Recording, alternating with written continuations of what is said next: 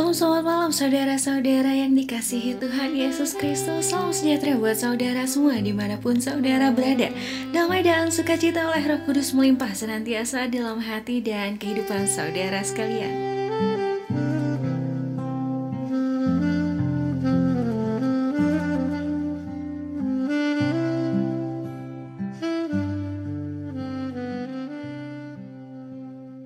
selamat malam sahabat suara kasih di mana pun berada Di rumah, di barak, maupun di tempat kerja sekalipun. Apa kabarnya nih sahabat suara kasih? Semoga masih pada sehat ya. Pokoknya tetap jaga kesehatan ya Biar tetap bisa beraktivitas seperti biasa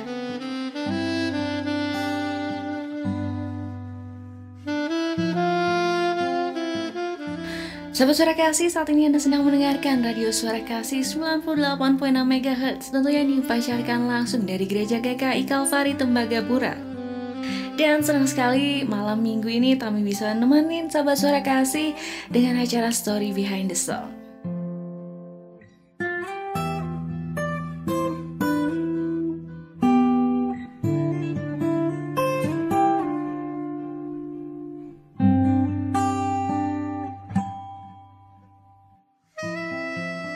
Suara kasih, akan kami putarkan satu lagu di ruang dengar Anda untuk mengawali perjumpaan kita di malam hari ini.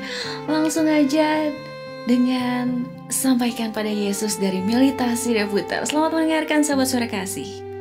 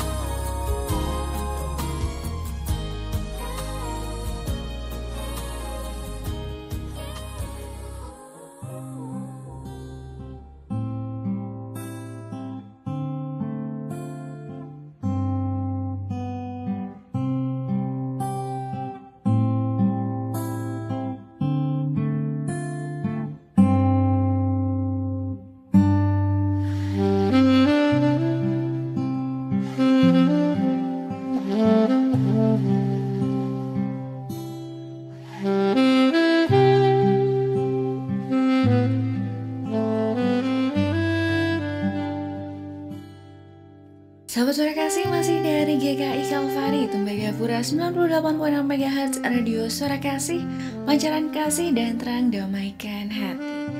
Sahabat Suara Kasih itu tadi satu lagu dari Melita Sidabutar dengan Sampaikan pada Yesus Untuk mengawali perjumpaan kita di malam hari ini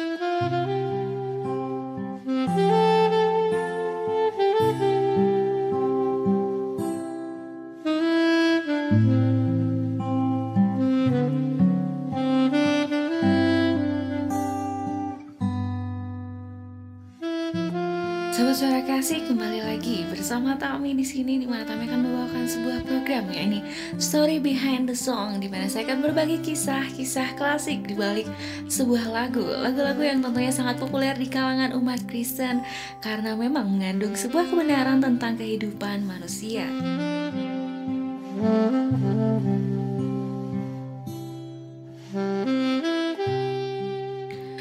Sahabat suara kasih malam hari ini kami akan bercerita mengenai kisah di balik lagu penghiburan dari orang sedih yakni lagu Yesus kawan yang sejati.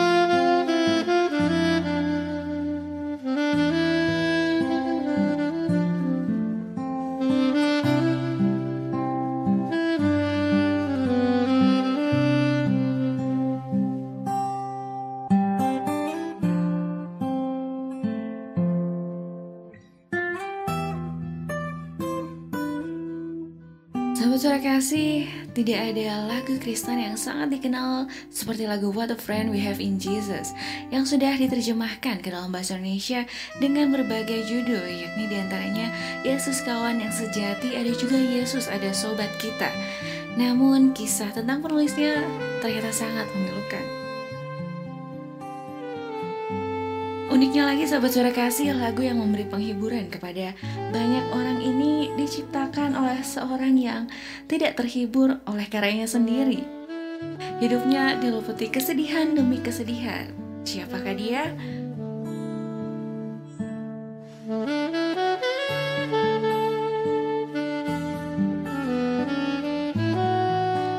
Yap, sahabat suara kasih, Joseph M. Scriven adalah pencipta di balik lagu ini. Joseph M. Scriven lahir di Irlandia pada tahun 1819. Keluarganya cukup berada.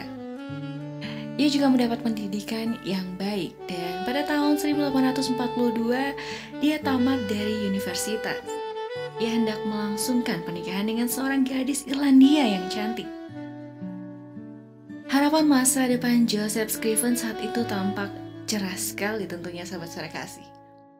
Akan tetapi sehari sebelum pernikahan mereka, gadis tunangan Joseph Scriven ini mengalami kecelakaan. Gadis itu tewas tenggelam dan hati Joseph Scriven tak pelak lagi hancur menjadi berkeping-keping. Di samping itu ia juga menghadapi persoalan dengan keluarganya karena ia ikut aliran Kristen yang tidak orang tuanya setuju.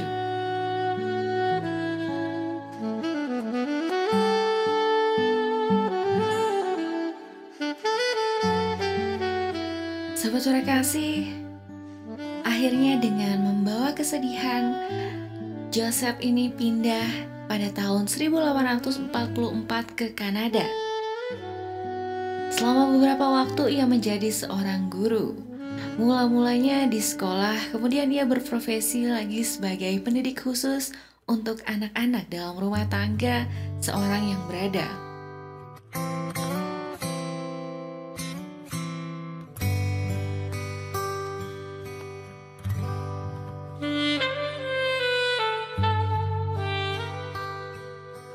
Sekali lagi sahabat suara kasih, Joseph Griffin bertunangan yaitu dengan saudara keluarga kaya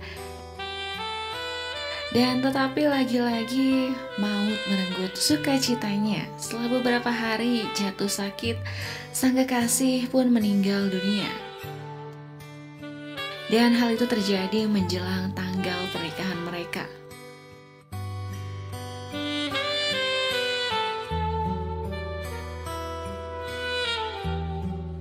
Sobat suara kasih dengan menanggung kesedihan yang tak terhiburkan, Joseph ini mengasingkan diri ke tempat yang sunyi di pinggir sebuah danau. Kemudian dia hidup di sana dengan sangat sederhana. Ia menggunakan uang dan tenaganya untuk menolong kaum miskin. Joseph juga mencari anak-anak yatim piatu dan menolong mereka.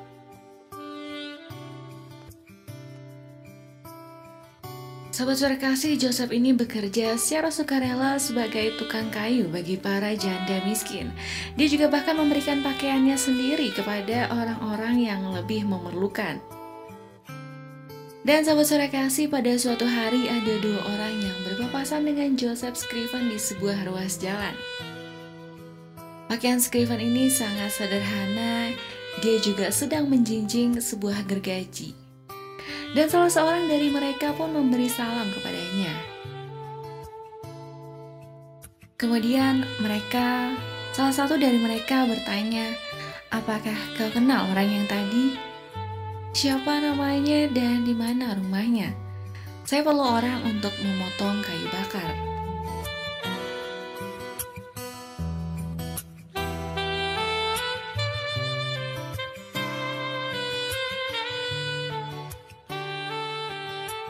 Dan sahabat suara kasih orang yang pertama menjawab tadi kemudian dia bilang itu Pak Scriven tapi kamu jangan minta tolong kepadanya karena pasti dia tidak mau.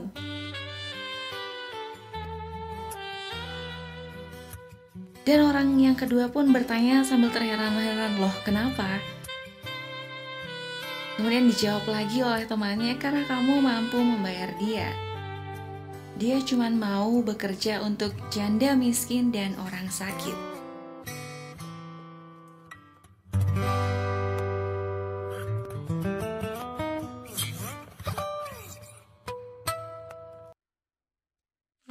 Sahabat suara kasih 10 tahun setelah Joseph Scriven pindah ke Kanada, ibunya di Irlandia ternyata sakit keras. Pas Kevin ini tidak sempat menyeberangi samudra untuk pulang ke negeri asalnya, namun ia mendapat akal tentang bagaimana ia dapat menghibur ibunya. Joseph Scriven kemudian seorang diri di kamar, ia menulis syair tentang Yesus kawan yang sejati bagi orang yang lemah. Kemudian surat yang berisi syair itu lalu dikirimkannya kepada sang ibu di Irlandia dan salinannya ia simpan lalu terlupakan. Beberapa tahun kemudian Joseph Scriven ini jatuh sakit dan ada seorang tetangga yang merawat dia menemukan salinan syair yang tadi di kamar Joseph Scriven. Setelah dia membaca, ternyata sahabat suara kasih dia senang sekali membaca isinya. Lalu menanyakan siapa pengarang dari syair yang ditulisnya. Kemudian Joseph Scriven lalu menceritakan asal-usul karangan tersebut. Dan sahabat suara kasih pada waktu yang lain seorang tetangganya yang lain lagi bertanya kepada Joseph Scriven, apakah dia pengarang syair itu? Kemudian Joseph Scriven pun menjawab, Ya, Tuhan dan saya yang mengajarkan bersama-sama.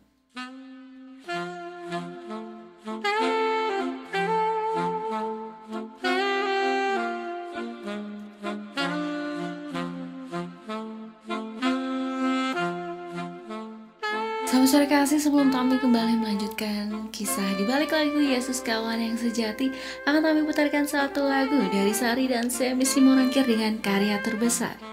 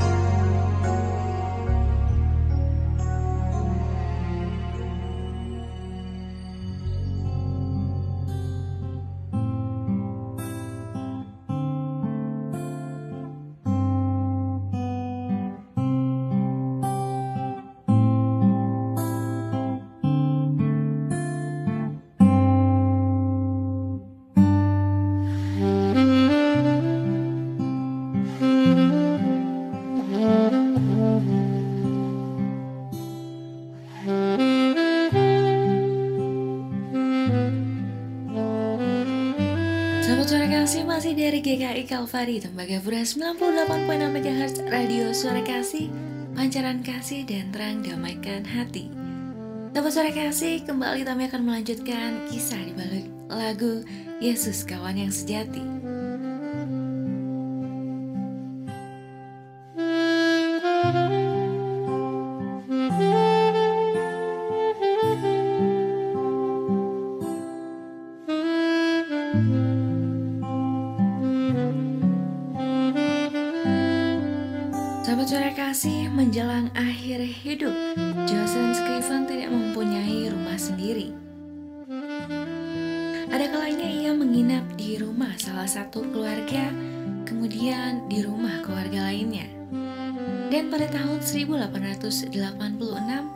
Joseph Scriven yang berumur 67 tahun tinggal di rumah seorang kawan.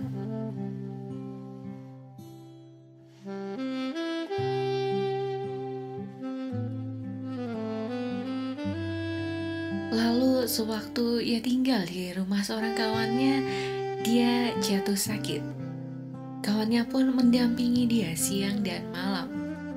Dan karena ada keperluan, suatu malam kawannya meninggalkan kamar Scriven. Dan sahabat suara kasih ketika ia kembali ternyata Joseph Scriven sudah tidak ada di situ.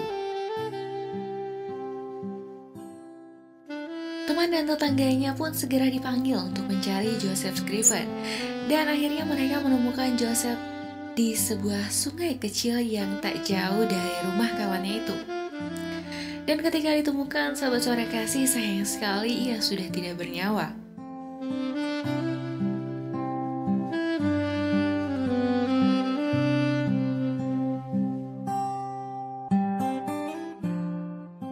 Apakah Joseph Scriven ini terjatuh karena pikiran dan tubuhnya lemah?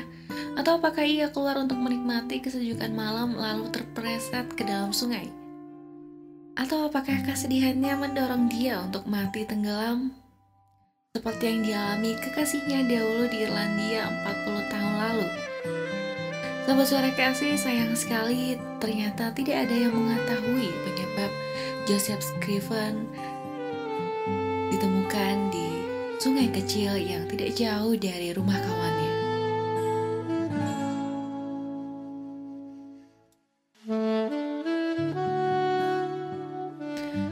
Demikian, para teman dan tetangga Joseph ini tahu pasti bahwa ia orang yang baik hati. Walaupun kelakuannya sering kali aneh, ia adalah orang yang selalu berusaha menolong rakyat miskin. Dan itulah sebabnya mereka sendiri mendirikan sebuah tugu peringatan bagi Joseph Scriven di desa tempat tinggalnya di Kanada.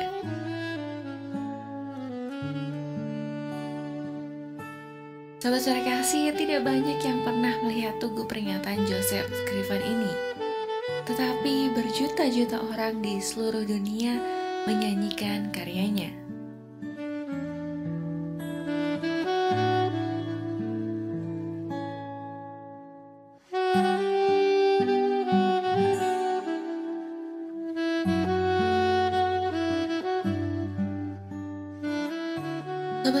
Kasih itu tadi kisah mengenai Joseph Scriven Sang penulis syair lagu Yesus Kawan yang Sejati Dan sobat suara kasih siapa ya kira-kira pengarang melodinya?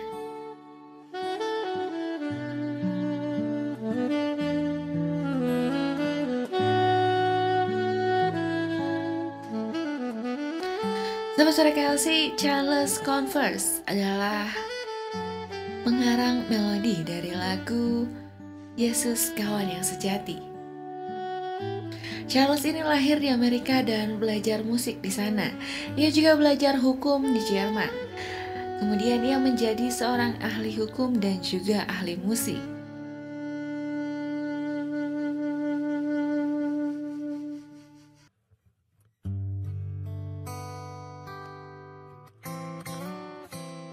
Sahabat suara kasih, kebanyakan karangan Charles Converse ini ditulis dengan nama samaran, seperti Carl Reden. Carl itu sama dengan Charles, dan Reden dalam bahasa Jerman artinya Converse, yaitu bercakap-cakap. Dia kemudian dengan memakai nama itu, Charles Converse menulis banyak sekali musik simfoni dan banyak juga gubahan lainnya, baik nyanyian rohani maupun nyanyian biasa. Dan juga sahabat sore kasih, beberapa karangannya ini pernah dipentaskan oleh orkes-orkes ternama di New York dan kota besar lainnya.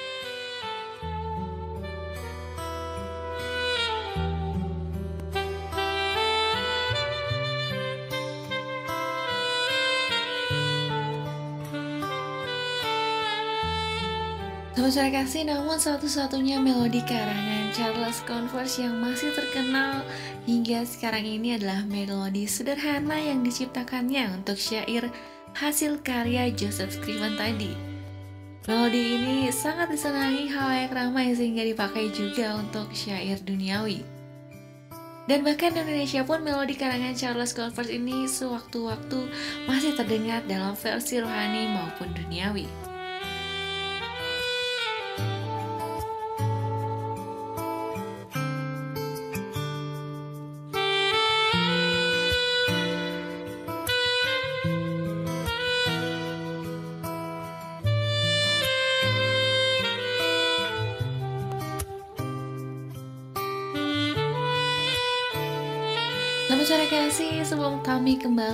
Melanjutkan kisah di balik Yesus Kawan yang sejati, kita break terlebih dahulu dengan satu lagu dari Agatha Valencia dengan Kemurahan Tuhan setiap hari. Selamat mendengarkan sahabat suara kasih.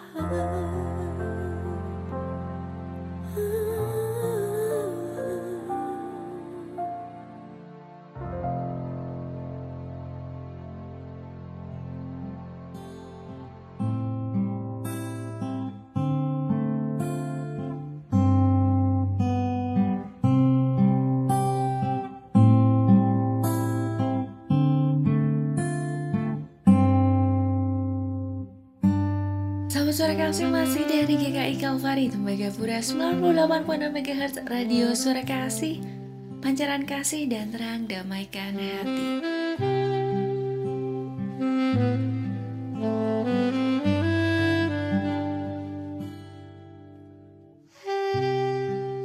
Sahabat suara kasih masih bersama Tami di sini dengan story behind the song dan tadi kami sudah bercerita mengenai kisah di balik lagu Yesus Kawan yang Sejati.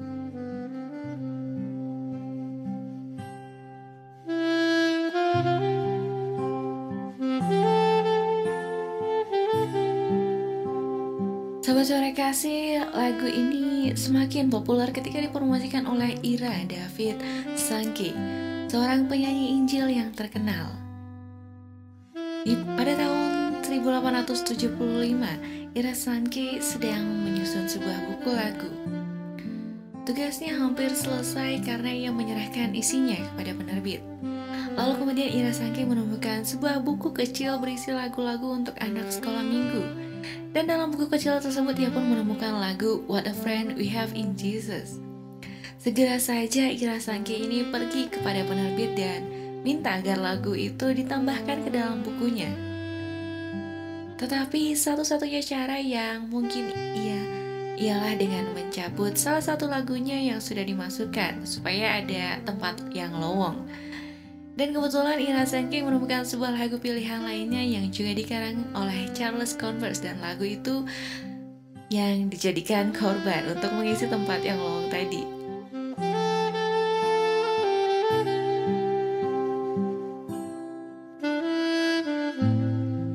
Sahabat sore kasih tepat sekali penilaian Ira Sangki Nyanyian yang dimasukkannya pada detik terakhir itu akhirnya disukai banyak orang dan kemudian ia Ira sendiri kemudian mengatakan lagu pilihan yang terakhir dimasukkan ke dalam buku itu menjadi yang pertama dalam tanggapan orang banyak.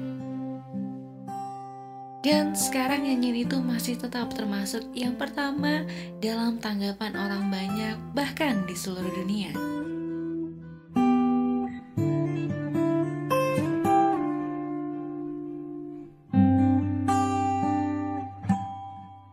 Sahabat suara kasih, ketika hidup kita banyak mengalami kesedihan, janganlah terlalu mengasihani diri sendiri, apalagi berputus asa. Karena dalam keadaan terpuruk sekalipun kita dapat dipakai Tuhan untuk menguatkan orang lain.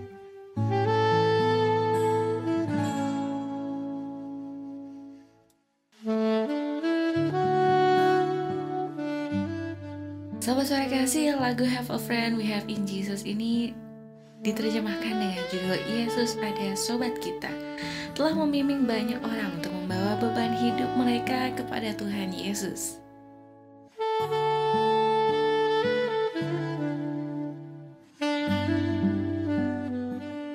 Sahabat suara kasih kalau kita searching di YouTube banyak sekali yang mengcover lagu Yesus Kawan yang Sejati. Di antaranya Dewi Cesaria, ada Helen Pirena, ada Victor Huta Barat, dan yang lain-lain. Dan langsung aja akan kami putarkan Yesus Kawan yang Sejati dari Herlin Virena. Selamat mendengarkan sahabat sore kasih.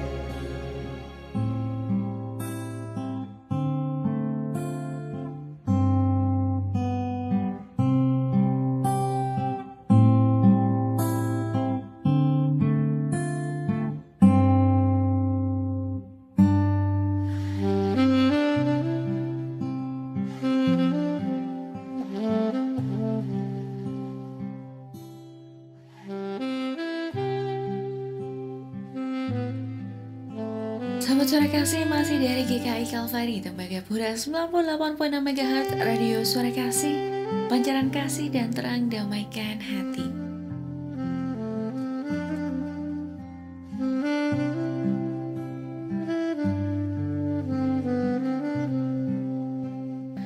Sahabat suara kasih itu tadi lagu Yesus kawan yang sejati Dan juga kisah di balik lagu Yesus kawan yang sejati.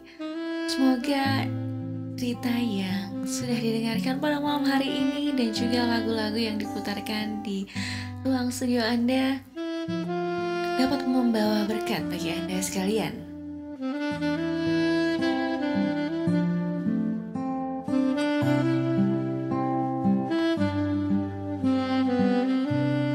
Sahabat suara kasih, tiba di penghujung siaran kita di malam hari ini. Terima kasih atas kebersamaannya. Mohon maaf jika ada salah dalam perkataan selama siaran ini berlangsung.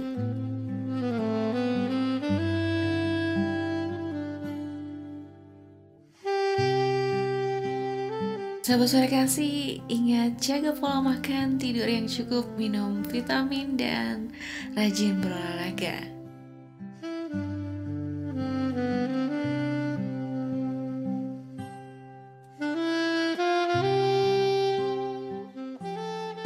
Kasih saya Tami pamit undur diri. Kita bertemu di Sabtu depan. Selamat malam Tuhan Yesus memberkati